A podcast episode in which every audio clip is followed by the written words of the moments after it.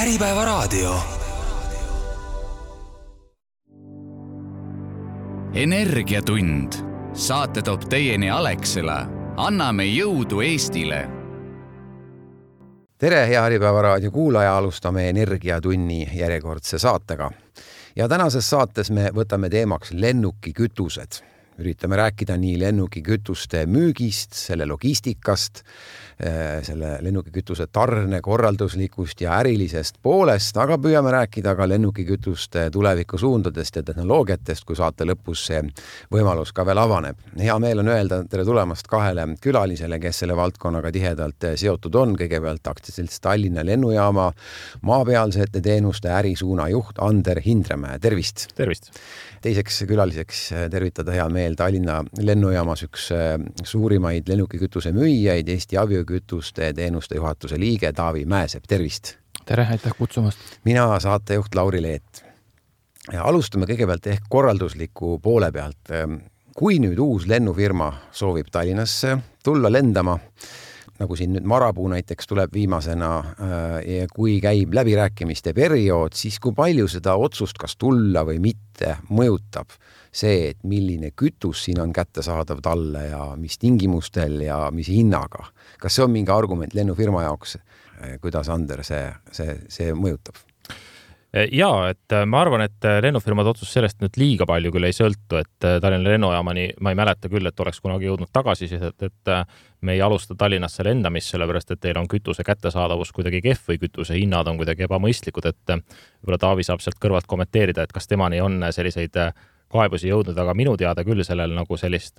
suurt mõju kunagi olnud ei ole, et Tallinna lennujaama kütuseturg on noh, selles mõttes heas seisus, et lennufirmadel on valikut kolme erineva teenusepakkuja vahel. nii et äh, selles nagu konkurentsiolukorras peaks nagu saama võib-olla siis ikkagi selle mõistliku hinna, millega lennata ka kütuse mõistest kätte. Kui äh, lennufirma nüüd äh, tuleb Tallinnasse, läheb hästi, nagu nüüd Marapuu tulemas on või juba tuli, nagu ma aru saan,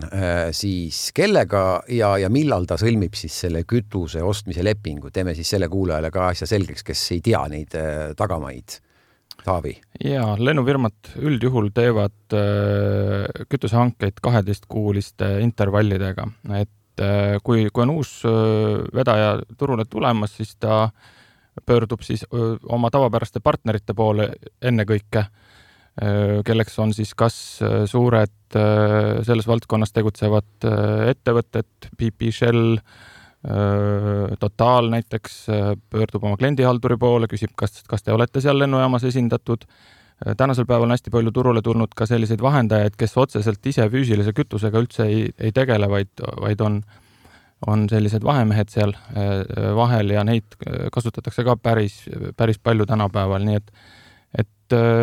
tehaksegi, pange, pannaksegi siis see hange püsti ja, ja, ja, ja vaadatakse, et siis äh, milline, milline pakkuja mingis lennujaamas siis äh, kõige, kõige mõistlikuma pakkumise teeb ja niimoodi see leping sõlmitakse. aga mis siis saab, kui selle lennufirma sellist tüüpilist partnerit ei ole selles lennujaamas, kuhu, kuhu nad tahavad laieneda või minna? Äh, ma usun, et suurtel lennufirmadel a la Lufthansa äh, on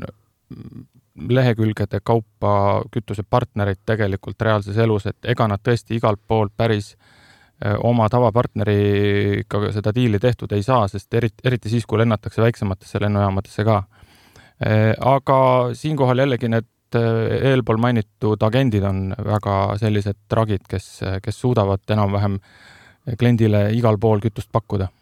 ma arvan, ma arvan, et siit võib ka paralleeli tuua kõikide muude teenustega, mida lennufirmad lennujaamast siis ostavad, et ka meil on näiteks Tallinna lennujaamas maapealseid teenuseid, siis neid teenuseid, mida siis lennufirmad vajavad, et, et need lennud saaksid toimuda maa peal. Neid teenuseid siis soetatakse näiteks antud juhul täna meie tütarettevõtte käest äh, lennujaamas, keda kuskil mujal Euroopas ei ole, et see on täitsa normaalne olukord ja, ja lennufirmad kohanevad sellega, ma arvan, väga hästi, et see, et neil nii-öelda tuttavat partnerit tingimata selles lennujaamas ei ole, ma arvan, et ei saa väga suureks takistuseks, kui need ettevõtted, kes siin kohapeal on, on ikkagi professionaalsed ja pakuvad head teenust. aga Taavi, kas Eesti abiokütuste teenustel on mingisugune suurem katusettevõte, mingisugune globaalne, keda te nagu nii-öelda esindate või, või kelle all te olete?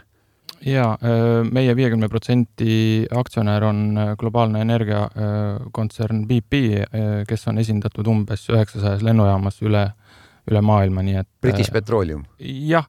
võib-olla siis väike, väike seletus juurde, et British Petroleum e-, endise nimega tänasel päeval siis alates kaks tuhat aasta seoses brändimuutusega lihtsalt BP, et natukene distantseeruda sellest petroolumist äh,, kuna ettevõtte portfelli tegelikult kuulub palju ka taastu-, taastuvenergia äh, tooteid, nii et äh, aga, aga rahvasuus paraku jätkuvalt British Petroleum. ja, ja BP eh, nii-öelda siis äh, annab teile ka äh, lisaargumente, et, et suurtel lennufirmadel on BP tuttav ja tulles Tallinna lennujaama, nad teavad, et teie nii-öelda esindate siin kohapeal BP-d, on, annab mingisugust usaldusväärsust juurde või, või kuidas julgete öelda? ja kahtlemata, sest et tugev kaubamärk tagab kvaliteedi ja usaldusväärsuse, nii et ma arvan, et see on kindlasti oluline kas lennufirmadel on võimalik ka hinna üle kaubelda, kütuse hinna üle, kui nad siia Tallinnasse lendama tulevad või neil on juba nii-öelda lennud käimas ja nad selle kaheteistkuulist nii-öelda lepingut hakkavad siis uuendama, värskendama või tuleb lihtsalt selle hinnaga osta, mida, mida, mida nii-öelda küsitakse? Konkurents, nagu Ander just eelpool mainis, on meil tugev, nii et alati on võimalik kolme pakkuja poole pöörduda, kas siis oma äh, regulaarse tenderi alguses või, või siis ka lepinguperioodi vältel on ka selliseid asju ette tulnud, nii et et äh, meil konkurentsiga on selles mõttes kõik väga hästi, et lennufirmadel valikut on. Äh, kas on siis äh, tulnud ette ka seda, et hakatakse nii-öelda siis vaheperioodil teie käest ka hinda alla kauplema, mõni lennufirma on tulnud? Äh, õnneks mitte, kuigi ma tahaksin öelda, et siin praegu väga kiire kulude kasvu ja ja meie enda opereerimiskulude kasvus me tahaks teha teisipidi, et me tahaks võib-olla lepinguperioodi keskel hoopis lennufirmale hinda tõsta, aga see kahjuks ei ole ka nii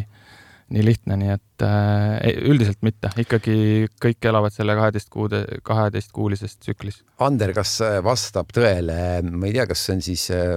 kuulujutt, aga et Tallinna lennujaamas on äh, kütus lennufirmadele kallim kui mõnes äh, suuremas, kesksemas Kesk-Euroopa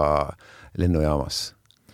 no ma arvan, et ta nüüd otseselt kallim ei ole, et sellepärast, et see sõltub konkreetselt natukene sellest, et kuidas see äh, hinnakujundus siis on lennufirmal ja, ja siis kütuseettevõttega kokku lepitud, sellest saab tegelikult, ma arvan, Taavi täpsemalt rääkida. aga noh, loomulikult, et äh, sõltuvalt sellest, et kuidas see hind on täna näiteks a la Frankfurdi lennujaamas versus täna siin Tallinnas, eks ju, et siis see võib tekitada mõnel päeval küll olukordi, kus äh, Frankfurdi lennujaamas on kütus nii palju odavam, et sealt, äh, sealt siis on mõistlik näiteks Lufthansal see kütus nagu kaasa vedada, et siis Tallinnas mitte tankida. aga, aga noh, see on seotud siis nagu turuhinna kõrkumistega, aga ma arvan, Taavi oskab siin nagu paremini rääkida no tegelikult on ikkagi olukord selline, et kütuseäri kui selline on, on oma olemuselt siis logistikaäri ja, ja, ja, ja suuremahuline nii-öelda mastaabiefektist sõltuv äri, et see baas, millega me tegutseme, ehk siis kütuse maailmaturu hind on kõigi jaoks üldjuhul sama. et see on avalik info ja, ja kõik teavad, kuidas, kuidas ta siis sarnaselt äh, kui me oleme siin harjunud võib-olla Brenti äh, või nafta hinda jälgima, et siis, siis kütusehindasid kaubeldakse täpselt samamoodi ja, ja need on, need on siis nii-öelda avalik info. see, millise hinnalisa siis lisa, milline hinna äh, lisa äh, lisandub siis mingis lennujaamas, see ikkagi päris palju sõltub sellest mastaabist, et meie mastaapide juures me peame tõdema, et ikkagi me, me ühiku kohta oleme sunnitud lisama rohkem, rohkem siis äh, hinnalisa, kui seda suurtes jaamades tehakse, et noh, need mahed, vahed on nagu väga, väga suured, et äh, ma siin ühe, ühes teises podcast'is sarnasel teemal rääkimas käisin, siis tegin umbes niisuguse arvutuse, et London Heathrow's äh, müüakse umbes ühe koma viie päevaga meie aastane kütusekogus, nii et et meil selliste mastaabi erinevuste tõttu noh, väga raske äh, konkureerida, sest et sul on olemas küllaltki sellised äh, fikseeritud püsikulud äh, ja, ja mahu lisandumine, tegevusmahtude lisandumine ei, ei, ei too seda hinda nii oluliselt alla. arusaadav, palju see siis tähendab lennufirma jaoks, kes ostab, et kütus on kallim siin versus siis näiteks Heathrowis või Frankfurdis või mõnes Euroopa suuremas? mitu protsenti? ma ei oska niimoodi protsenti välja küll tuua, aga, aga see nagu põhjustabki selle, nagu Ander just mainis, et äh, hakatakse kütust vedama sealt kaasa, kus see on odavam, mis omakorda põhjustab siis ka suurema keskkonnamõju, kuna, kuna lennuk on raskem ja tarbib rohkem kütust. kui palju üks suur kaasaegne lennuk suudab siis kütust nii-öelda täistankidesse kaasa vedada, võtame siis, ma ei tea, Airbus kolmsada kakskümmend või Boeing seitse kolm seitse, mis on ju Tallinnas suhteliselt tavalised suured lennukid. palju neil seda kütust mahub peale, kas nad käivad nii-öelda näiteks Londonist ära niimoodi siin Tallinnas, et ei peagi Tallinnas tankima, on see tehniliselt võimalik? ja no selles mõttes, et kui me mõtleme, võib-olla nüüd see kütusemahu täpselt jään, jään nagu võlgu, aga ma arvan, et lennuaja mõttes seitse kolm seitse ja A kolmsada kakskümmend kuskil kuus kuni seitse tundi, et võib-olla selline nii-öelda Tallinn-Tenerife ots on võib-olla selline, selline piiri peal, et meil on olu, olukordi, kus kui tuul on nagu liiga vastu, et siis lennuk ei lenda välja, sest, sest kütus, kütus ei ole piisavalt ja siis tuleb teha vahepeatus, aga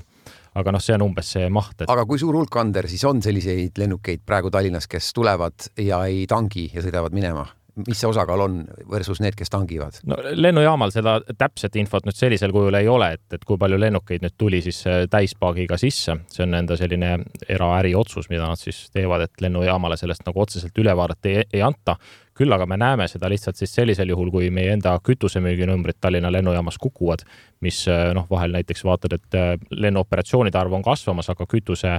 kütusenumbrid siis nagu languses, et see kindlasti viitab sellele, et äh, lennu, lennu, lennufirmad siis on seda siis nagu kaasa toomas, seda kütust. kuidas nüüd on nende numbritega, ma vaatasin, leidsin ametlikud andmed, et kaks tuhat kakskümmend üks, mis on siis juba küll jah, juba kaks aastat tagasi, koroonajärgne taastumisaasta, müüdi Tallinnas või nii-öelda tangiti, vabandust, Tallinnas on täpne öelda, viiskümmend neli miljonit liitrit lennukikütust. no kaks tuhat kakskümmend kaks ehk eelmine aasta oli see number kindlasti oluliselt suurem, kas tuli sada miljonit liitrit täis ja ja kas on see kogu aeg olnud kasvav nüüd, kui see koroonaauk välja arvata, et üldiselt on ikka iga aasta tõusnud see äh, tangitava kütuse hulk? ja no see kütuse hulk on siin äh, kenasti kasvanud aastaid läbi, kui me vaatame seda enne koroonaaega, et siis kahe tuhande üheksateistkümnendal aastal kaheksakümmend viis miljonit liitrit äh, mis oli selline nagu väga hea aasta. eelmine aasta oli veel selline nii-öelda vahepealne aasta, ma arvan, et ka see koroona ikkagi jättis enda enda jälje sinna aasta algusesse, et seitsekümmend üks miljonit liitrit tuli eelmisel aastal kokku, et vaatame, kuidas kuidas see aasta tuleb, et äh,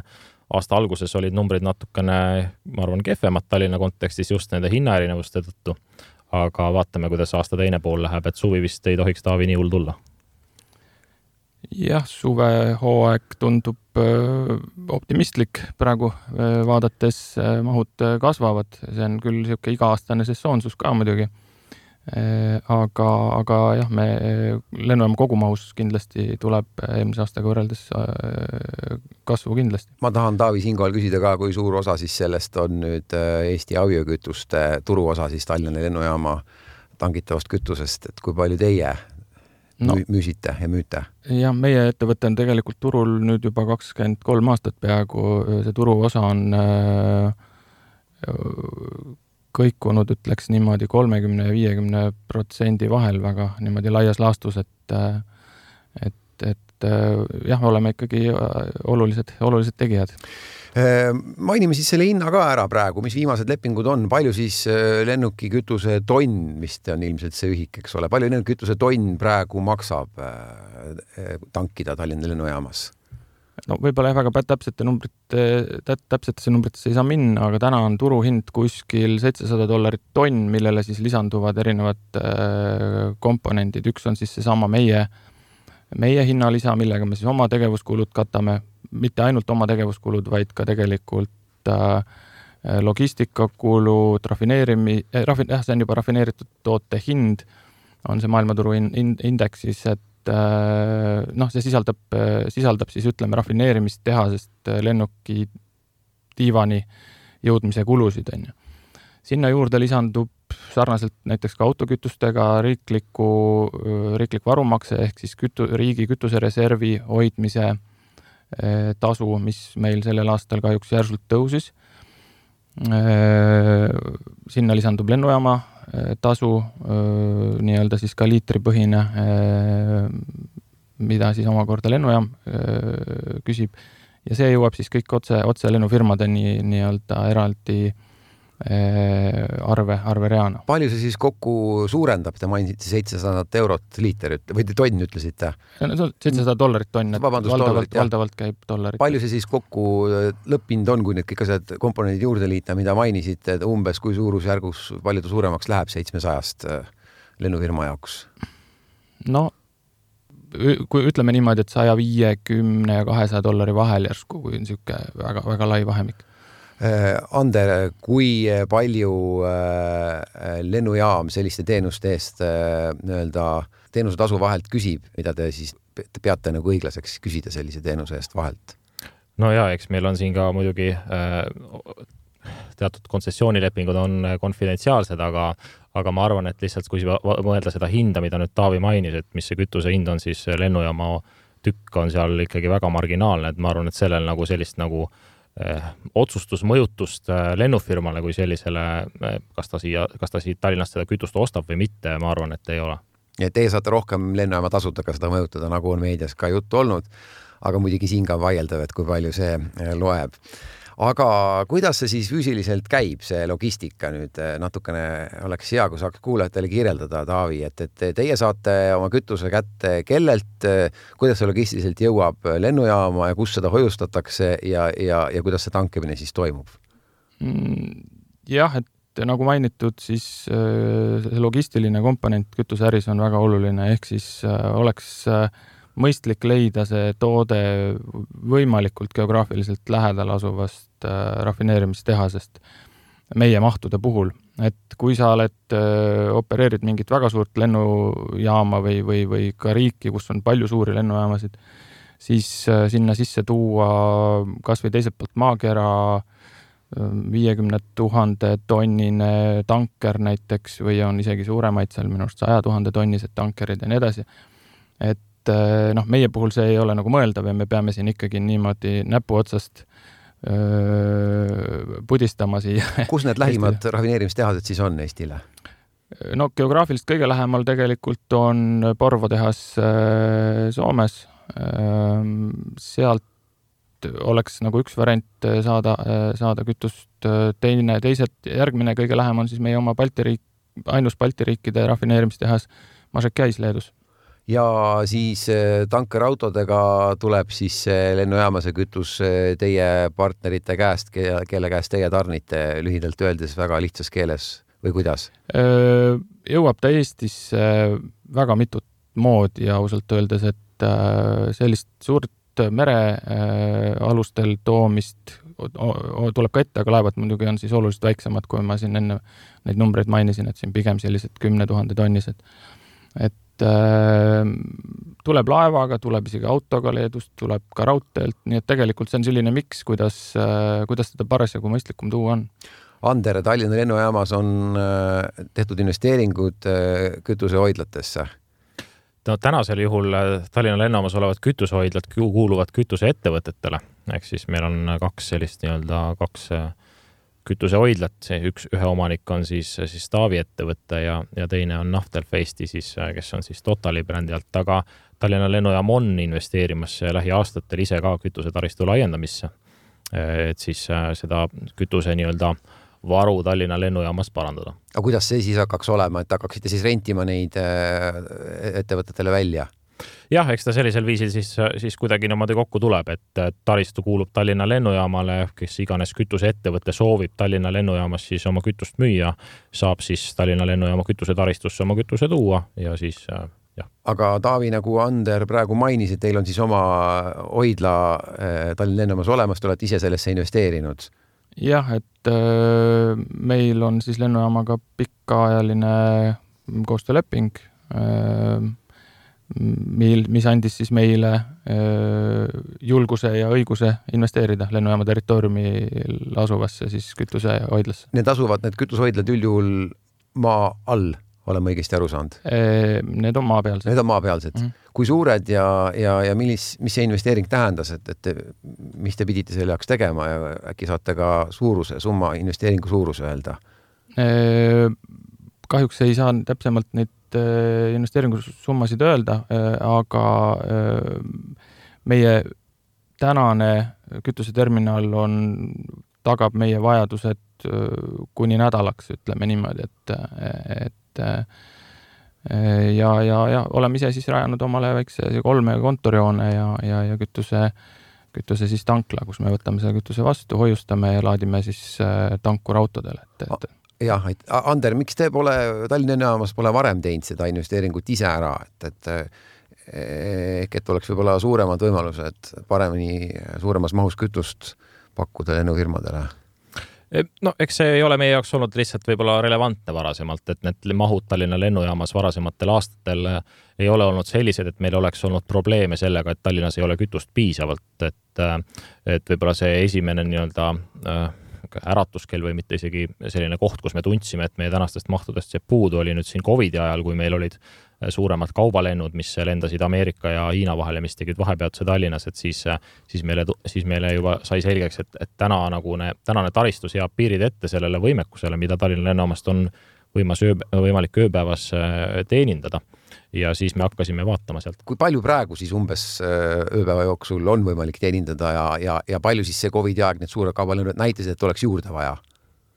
no me praegu selle projektiga, mis on tegelikult ka osaliselt Euroopa rahadest rahastatav, siis me ehitame täna siis juurde nelja tuhande kuupmeetrise kütusetaristu et me peame läbirääkimisi ka Eesti Varude Keskusega, et osa siis Eesti äh, nii-öelda lennukikütuse varust siis võiks olla Tallinna lennujaamas, sest kus seda mujal ikkagi eelkõige kasutatakse kui Tallinna lennujaamas, ehk siis koostöös nendega vaatame seda ja siis, siis et ka meil oleks nagu militaar, militaarvõimekuse äh, paremaks tagamiseks siis seda kütust Tallinnas rohkem, et see on selline military mobility siis sealt CEF äh,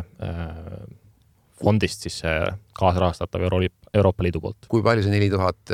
siis juurde annab sellele praeguse võimekusele, mis on olemas juba lennujaamas? Jah, et meil täna vist, äh, kui nüüd äh, tänane taristu on seal umbes äh, tuhat kuupmeetrit, siis kokku peaks tulema keskeltläbi viis tuhat kuupmeetrit, aga nagu ma mainisin, siis me ei näe ette, et see kogu see viie tuhande kuupmeetrine taristu oleks siis nii-öelda igapäevaseks kasutamiseks, vaid seal hoiustatakse siis ka pikaajalist varu.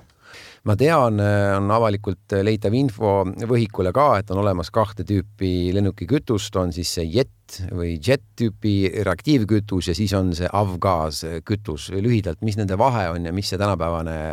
variant rohkem on, mida kasutatakse, Taavi? jah, lennuki bensiin ehk avgaas äh, on kasutuses äh, pisikestel kolbmootoriga sellistel era, eralendudel ja mõningatel äri, ärilennukitel Äh, kõik suured lennukid, millega me oma puhkuse ja tööreise teeme, need on reaktiivmootoritega ja need söövad äh, siis seda äh, petrooli või džetti, kuidas me tahame teda nimetada. millest see džett siis koosneb? petrooleum, aga ta ei ole ka täiesti tavaline, eks ole, ta on ikkagi teatud omadustega. aga samas ma lugesin ühest materjalist välja täiesti õhikuna, et ta on ka üsna lähedane tavalisele diislikütusele. kas ma sain õigesti aru? vastab tõele jah, et oma tiheduselt, massilt, energiatiheduselt öö, muudelt omadustelt väga sarnane diislile, välja arvatud üks väga oluline nüanss, mis on külmakindlus, et jet talub kütu-, külma kuskil viiskümmend, kuuskümmend miinuskraadi, nii et see on, see on üks põhiline erinevus, aga jah, loomulikult lennukikütuse käitlemisele kehtivad hoopis teised, teised nõuded kui näiteks autokütuste käitlemisel. kuidas see külmakindlus siis saavutatakse? veesisaldus tuleb viia minimaalseks, see on ju selline loogiline lahendus ainukene või on veel midagi? No kui nüüd päris peeneks minna, siis kütus ikkagi mingis, mingisuguses protsendis, küll väga väikses, sisaldab siis seda seotud vett nii-öelda ka. Meie oma äh, operatsioonide käigus muidugi kogu vaba vee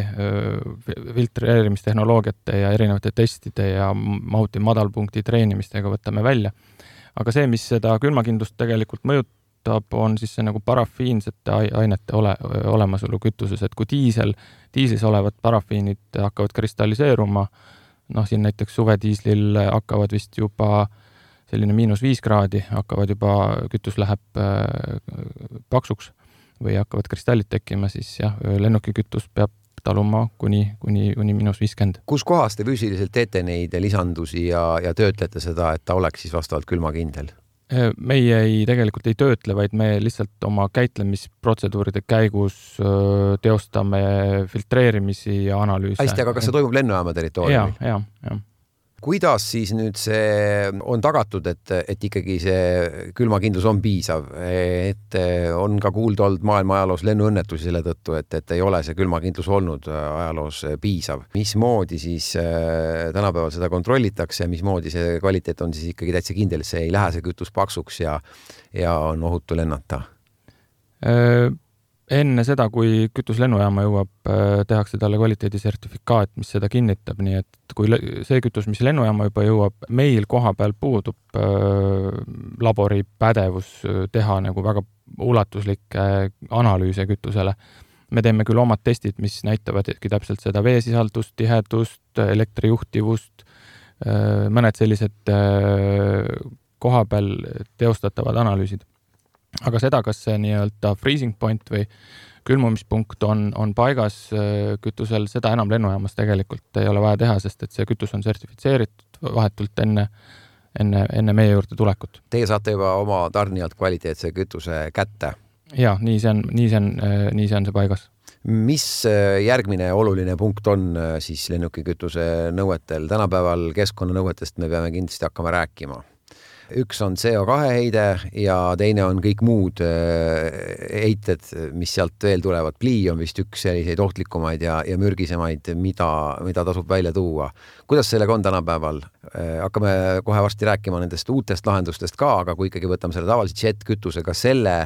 heitmekogused on nagu aasta-aastalt vähenenud või see on ikka selline samasugune tehnoloogia, sama kütus, mis ta oli siin kümme, kakskümmend aastat tagasi samamoodi? no ma usun, et seesama jet Äh, või reaktiivkütus on suhteliselt muutumatuna püsinud ikkagi, ma nüüd ei julge öelda, aga võib-olla kuuskümmend, seitsekümmend, kaheksakümmend aastat. et äh, see, seesama plii äh, sisaldub küll veel vähesel määral lennuki bensiinis Avgas sada LL, et aga on tulnud turule ka juba pliivabad lennuki bensiinid, nii et minu teada reaktiivkütus pliit ei sisalda üldse mitte. aga CO2 siis heide on, on jäänud samaks, nagu ma ikkagi loen äh, teie vastusest välja. mis see on siis see nii-öelda CO2 jalajälg, kui me autode puhul me teame, et öeldakse saja kilomeetri peale, et on bensiinikulu, kütusekulu ja siis on ka CO2 heide, heitmemaht, kuidas lennukitel see on paika pandud, kas see on lennutundide järgi või, või kuidas see CO2 heide on tänapäeval nii-öelda kirjeldatud? oskate öelda? Jääme vist vastuse vist mõlemad äh, võlgu, paistab pilgust Taaviga, aga noh, selle, ega sellega on nagu autodega, et äh, ega see CO2 vähendamine on ka läbi aastate tulnud siis nagu mootoritehnoloogia arengust ja, ja üldse lennukite disainist, et noh, näiteks viimase generatsiooni A kolmsada kakskümmend Neo ja seitse kolm seitse Max lennukid, siis noh, nende puhtalt mootoritehnoloogia läbi on siis äh, kaksteist kuni viisteist protsenti siis nii-öelda efektiivsemad need mootorid ja seeläbi on kindlasti ka CO2 jalajälg vähenenud, et et läbi aastate on sellel kindlasti on väga suur mõju. Taavi, siis natukene logistikast veel, et kuidas siis te ütlesite, et nõuded on hoopis teised ja karmimad kui, kui tavakütusel arusaadavalt. Eh, mismoodi siis liigub see kütuse tanker siis kõigepealt teile lennujaama ja, ja mida teie lennujaamas siis eh, peate tegema, et, et ta ohutult lennukini viia, et mis seal siis need ohutusreeglid on? Noh, Tallinna lennujaama raudteeharu ega tankeriga, raudteeharu mööda ega, ega meretankeriga juurde ei saa ja ühtegi torujuhet ka sisse ei tule, nii et meil on ainus variant on siis see, et meie, meid varustavast terminalist tuleb kütus paakautodega. meie siis enne seda, kui me ta maha, selle kütusepartii maha laeme, siis võtame juba sealt autost kvaliteediproovi, et veenduda, et see on meile meile nõuetele vastab ja me võime selle vastu võtta. peale seda jah, nagu öeldud, pumpame selle enda, enda kütusehoidlasse. võib-olla ei hakka kõiki protseduure üles loetlema, mida me, mida me seal veel teeme vahepeal igapäevaselt ja nii edasi. ja, ja siis me pumpame selle kütuse siis paakautosse, nii et Tallinna lennuväljal me kasutame äh, tankurautosid, mis, mis on siis äh, justkui sellised äh, paakautod, mida te tänavatel näete, aga seal on peal pumbad, filtrid ja natuke rohkem tehnikat. kui palju nüüd aega võtab keskmine, keskmise suurusega tankimine, et ütleme, et pool paaki vaja täita, et kaua, kaua see aega võtab? noh, enne jah, jäime vastuse võlgu, et palju lennukitesse mahub, on ju siin selline A kolmsada kakskümmend ja seitse kolm seitse võtavad umbes niisugune kakskümmend üks tuhat liitrit pardale hästi jämedalt. nii? et äh, seesama Tenerife, mainitud Tenerife lend ongi selline, kus tegelikult pannaksegi paagid täis ja selleks siis äh, nüüd natukene sõltub lennuki tüübist ja siis ka tehnik, tankimistehnikast, aga ma ütleks, et äh, tankimiskiirused jäävad vahemikku kuussada kuni tuhat kolmsada liitrit minutis äh, et.... see siis teeb, ütleme, kümme tuhat liitrit teeb äh, laias laastus siis kusagil kümne minutiga või, või sinnakanti um,? umbes nii ta vist tuleb jah, et äh, niisuguste suuremate koguste puhul jah, ikkagi kogu tankimisoperatsioon võib võtta ikkagi niisugune pool tundi ära. Ander, kas äh, lennufirmad ka no nii-öelda eelistavad või noh, nõuavad mingi, mingisuguseid tingimusi, küsivad, äh, äh, on kriitilised, on nõudlikud selles osas, kuidas tankimise protseduur on äh, korraldatud lennujaamas. enne ütlesite, et ei ole nagu määrav see, kes pakub seda teenust, aga, aga kas, kas ollakse selles mõttes ka leplikud, et noh, võtab kümme-viisteist minutit, mis seal vahet on, me teame tegelikult iga minut on lennunduses hinnas absoluutselt ja eriti just näiteks mõned siin odavlennufirmad, kes tahavad väga kiiresti Tallinnast ära minna, siis kindlasti nad soovivad, et see tankimine oleks ka võimalikult kiiresti äh, läbi viidud, et äh, aga ma arvan, et tänased Tallinna Lennujaama kütusepartnerid suudavad seda kütust äh, tagada või tankida neid lennukeid piisavalt kiiresti, et ma arvan, et lennufirmadel täna rahulolematuseks nii-öelda selle tankimiskiiruse põhja küll ei et ole. Te pole saanud mingisuguseid kaebusi või ei, see ei ole nagu teema? see ei ole meie jaoks küll praegu teema Taavi, kuidas on äh, nende töötajatega, kes tangivad, äh, kes sinna lennuki lähedusse jäävad, kui lennuk hakkab liikuma, on selle nende aurude sees pidevalt, et kuidas töötajate tervist äh, hoitakse ja kuivõrd, kuivõrd üldse see on ohtlik tervise kahjustav töö? võib-olla suurim terviserisk lennujaamas on tegelikult müra, nii et ma ei, me noh, kuna mainitud jet ei, ei, ei sisalda selliseid meile teadaolevalt äh, ohtlikke ühendeid, noh loomulikult äh, suures koguses äh, ei soovita kellelgi, kellelgi mingisuguseid kütuse põlemisjääke sisse hingata, aga, aga meil läbi viidud äh, nii-öelda riskianalüüsid ja tervisekontrollid äh, ei näita mingisuguseid nagu kõrvalkaldeid nagu meie, meie töötajatel, et äh, me teame, et lennukikütus asub tiibades. miks tiibades? see on ruumi kokkuhoiu mõttes, ma olen aru saanud aga kas see ei lisa lisaohtu, et kuidas, kuidas teie olete aru saanud asjatundjatena? no ma arvan, et äh, ohtu ta otseselt kindlasti ei lisa, et ma arvan, et ei ole ka ühtegi õnnetust, mis oleks olnud seotud äh, ajaloos sellega, et lennukikütus on just nimelt tiibades hoiustatud. et, ähm, et aga ma arvan tõesti, see põhjus on ruumi kokkuhoid, et kõik ruum, mis on nii-öelda lennuki kõhu all, on hea kasutada ka kauba ja pagasiveoks, ülemine osa läheb siis reisijate veoks lennukitel on küll äh, teatud juhtudel siis äh, ka nii-öelda keskmine siis kütusepaak, sest tiibadesse piisavalt ei mahu. et, äh, et siis nii-öelda lisakütust ka kaasa vedada, aga jah, eks see ruumi kokkuhoiu mõiste on, sest mida sa sinna tiibadesse muud ikka paned, et reisijana ju sinna ei istu räägime nüüd tulevikulahendustest ja, ja uutest tehnoloogiatest. ma korjasin üles siin erinevaid tekste uurides otsingut tehes tavainimesena internetist mõisted sünteetilised kütused, bioõlikütused, säästev lennukikütus, SAF. mis need kõik tähendavad ja, ja mis need, kuidas nad hakkavad siis seda lennukikütuste tulevikku juba praegust aega muutma? sarnaselt teiste tööstusharudega ka lennundus peab siis liikuma oma kliimaeesmärkide suunas lähtuvalt siis paketist Fit for fifty five. nii et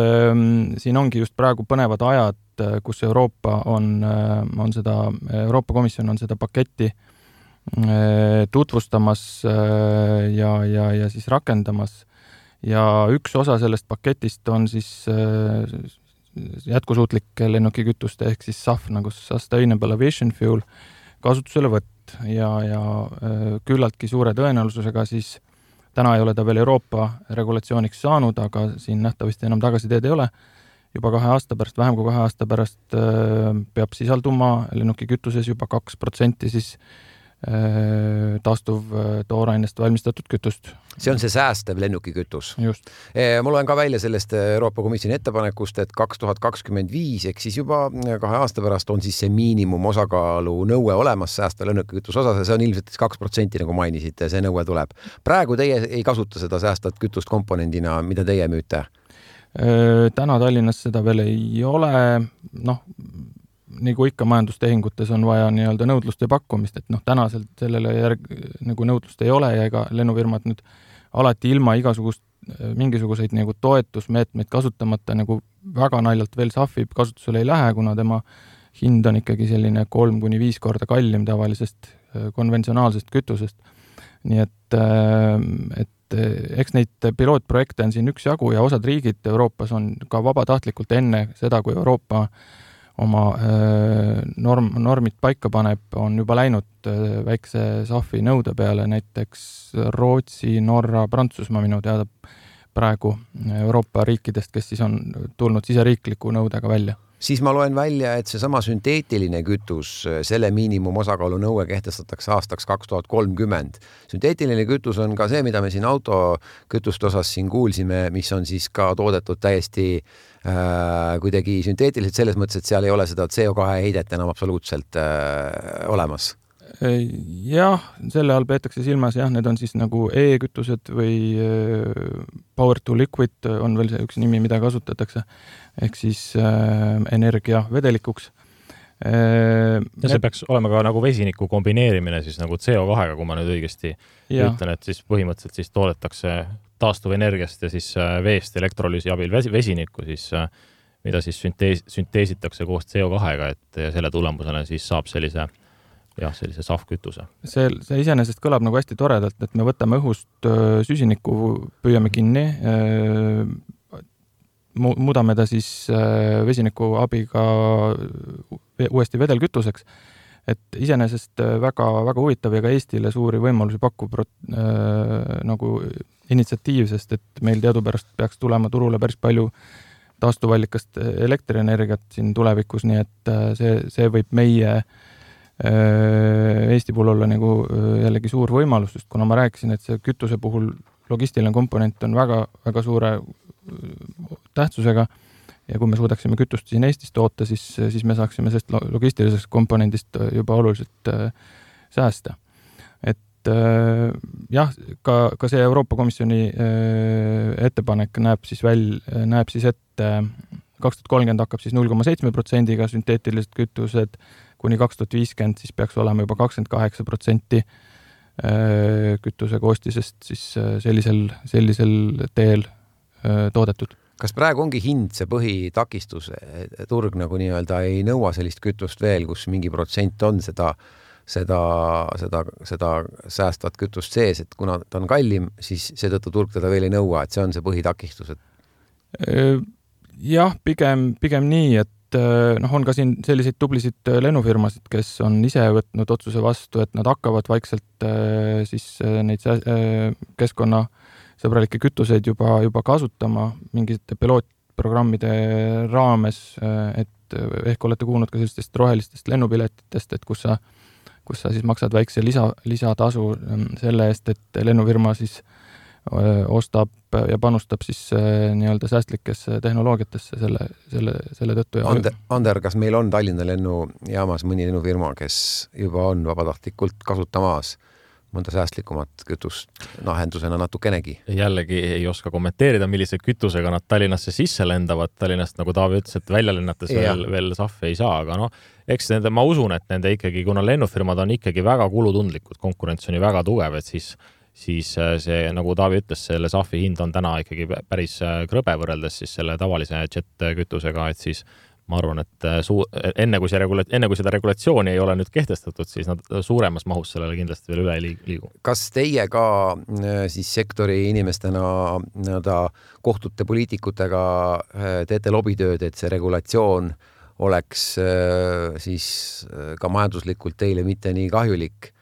kui nüüd Euroopa Komisjon võtab, võttis vastu otsuse, Euroopast tuleb suunis, aga me peame need otsused Eesti seadustesse ka kirjutama. siin kindlasti on võimalik seda natukene modifitseerida ühele teisele poole neid nõudeid kohalikul tasemel. kas te kuidagi suunate seda oma energiat ka sellesse, et, et poliitikute otsuseid ka mõjutada? jah, mis ma võib-olla ütlen siit juurde, et, et see SAF otseselt ei, ei nõua väga suuri investeeringuid, eks ju, taristusse et, et seda on võimalik täiesti olemasoleva taristuga käidelda, nagu ma olen aru saanud, ja samamoodi ka noh, nii-öelda lennuki mootorid ja kõik noh, seda on võimalik siis selle no, SAF-i nagu sinna julgelt lisada, et tänased lennuki mootorid on sertifitseeritud kuni viiekümne protsendi siis selle SAF-i äh, kogusega opereerima, siis on täiesti nagu kõik on okei okay,, et paneme lihtsalt, segame kokku ja, ja peakski olema okei okay., et et lennujaama vaatest meil ei ole nagu vajadust seda suurt lobitööd nüüd selle SAF-i vastu või, või selles osas kuidagi teha, et see, see nagu ei anna meile suurt midagi, me saame aru, et meie sektor peab muutuma kestlikumaks ja, ja see SAF on kindlasti väga oluline komponent selles Taavi, teie kõik äh, logistiline mm, süsteem ei muutuks sellest, äh, teie pumbad ja muud äh, seadmed töötaksid samamoodi, kui, kui, kui SAF ühel hetkel oleks teil ka valikus? jah, selle, selle kütuse suur pluss on see, et ta on täielikult ähm, no ingliskeelne väljend drop-in fuel ehk siis ta on nagu täielikult süsteemi äh, pandav ilma igasuguste muudatusteta. ta on tegelikult sertifitseeritud jet, jet kütusena, et äh, noh, nagu, nagu olete ka kuulnud, võib-olla siin äh, on isegi äh, keemiliselt raske nendel kütustel äh, vahet teha, et auto, autokütuste puhul samamoodi, et siin no, noh, ta on, ta on põhimõtteliselt ikkagi sama toode. aga kui nüüd, ma ei tea küll, keda te teenindate, aga eeldan, et näiteks Lufthansa või Swiss Airlinesi teenindate, kui nemad ühel hetkel küsivad seda, siis kui ruttu te saaksite neile, neile pakkuda seda SAF-i? No küllap lennufirmad on ka ise nii palju teadlikud eh, ja, ja kui nad hakkavad selle kütuse tegelikku jalajälge nii-öelda välja arvutama, et eh, noh, toome näite, et täna, kui meil seda Euroopa regulatsiooni ei ole, üks lennu, lennufirma soovib seda kindlasti saada, mingisugune a la viis protsenti, siis me võtame, saadame ühe paakauto siit Rotterdami, mis toob meile siis umbes kolmkümmend tuhat liitrit sahvi siia ja, ja siis, kui me arvutame välja selle kütuse tegeliku, tegeliku jalajälje peale seda äh, autotransporti, siis me saame aru, et sellel tegevusel ei ole äh, hetkel mõtet. ehk siis see asi peab minema suurele skaalale. Äh, seda kütust meie nägemuses peaks juba segatama rafineerimistehases, ehk ta ei muuda seda logistilist jalajälg äh, suuremaks, vastasel juhul sellel ei ole mingit mõtet. aga Ander, te ei karda seda, et, et neid äh, logistilisi süsteeme nii, nii mugavaks ei töötata välja nii kiiresti, rafineerimistehases veel ei lisata, aga lennufirmad juba nõuavad teie käest, et kus teil on see SAF kütus. Teie ütlete, et teil pole, et see on nii kallis ja meie, noh, meie Euroopa mõistes väikesed tarnijad ei suuda seda kütust teile tagada ja siis lennufirma ütlebki, et aga sellisel juhul ma vähendan lende Tallinnas. kas te ei karda sellist stsenaariumit? Ma arvan, et see tõenäosus selliseks stsenaariumiks on väga väike, et noh, kui me võtame kasvõi nagu enamus lennufirmad, nagu näiteks Lufthansa, siis Tallinna nagu jaam on kogu nende selles nii-öelda võrgustikust nii väike, et kas siin seda SAF-i siis päeva lõpuks saab või mitte, kui see regulatsiooniga ei ole nõutud ma olen täiesti veendunud, et ei ole nende jaoks nagu tänasel päeval äh, määrav ja ega lennufirmad ei taha ka oma äri nagu selles mõttes äh, ju äh, ohtu sellega seada, et puhtalt sellepärast, et ta siit täna kahte protsenti sahvi nüüd ei saa, jätab, paneb kogu Tallinna võrgustiku nagu kinni, et see ei, see ei kõla äriliselt mitte kuidagi nagu mõistliku otsusena, et et ma arvan, et seda me kindlasti ei näe Tallinnas. meil hakkab saateaeg läbi saama, küsiks lõpetuseks siis äh, seda, et mis siis seis näitab kaks tuhat kakskümmend kolm eestlased väidetavalt lendavad äh, hoogsalt, äh, kui nüüd siia liita juurde kaubalennud, äh, kargo mis näitab, Ander, kas kaks tuhat kakskümmend kolm võiks tulla läbi aegade Tallinna lennu, lennujaama juba parim aasta nii nii-öelda siis lendajate arvuks, aga siis ka tänases saate kontekstis kütuse mahus, kas tuleb nii-öelda juba rekord, mis see praegune varsti pool aastat täis näitab? No kui me tuleme, alustame sealt tagantpoolt, siis kütuse poole pealt, siis see sõltub väga suuresti, mida teeb hind maailmaturul ja, ja siis kuidas meil selle müügiga Tallinnas läheb eh, meie partneritel, ettevõtetel. Eh, lennujaama nii-öelda reisijate numbrite poole pealt ma arvan, et me jõuame sellel aastal teeme ära umbes sinna kolm miljonit, natukene jääb puudu kahe tuhande üheksateistkümnenda aasta tasemest, aga mitte palju. et oleme väga lähedal sellele nii-öelda enne Covidi järgsele tasemele et paljuski isegi paremini kui, kui teistes Euroopa suuremates lennujaamades, nii et meie vaatest, ma arvan, on kindlasti väga hea aasta. Taavi, kuidas on, kas kaks tuhat kakskümmend kolm on ka teie jaoks äh, parim aasta mahult, kuidas tundub praegu, kas on tulemas? no see jah, mahtude poolest me kindlasti ei konkureeri oma parimate aastatega, sest et äh, nagu ka en, enne Ander ütles, siis lennukid lähevad ökonoomsemaks ja toimub päris palju äh, seda teistest jaamadest vedu jällegi hinna, hinna tõttu ka. Nii et äh, selliseid mahtusid, mis me siin kunagi oleme teinud äh,, me tõenäoliselt äh, niipea ei näe. Aga tuleb, tuleb ja käib väga töine ja asjalik aasta, nii et tore on näha lennunduse taastumist. hästi, aeg saade lõpetada, aitäh Eesti Abiokütuste Teenuste juhatuse liige Taavi Mäesepp ja aktsiaseltsis Tallinna Lennujaama maapealsete teenuste ärisuuna juht Ander Hindremäe tulemast saatesse. Ja jõudu tööle, mina saatejuht Lauri Leet, uue Energiatunni saatega kuu aja pärast, aitäh kuulamast, kuulmiseni!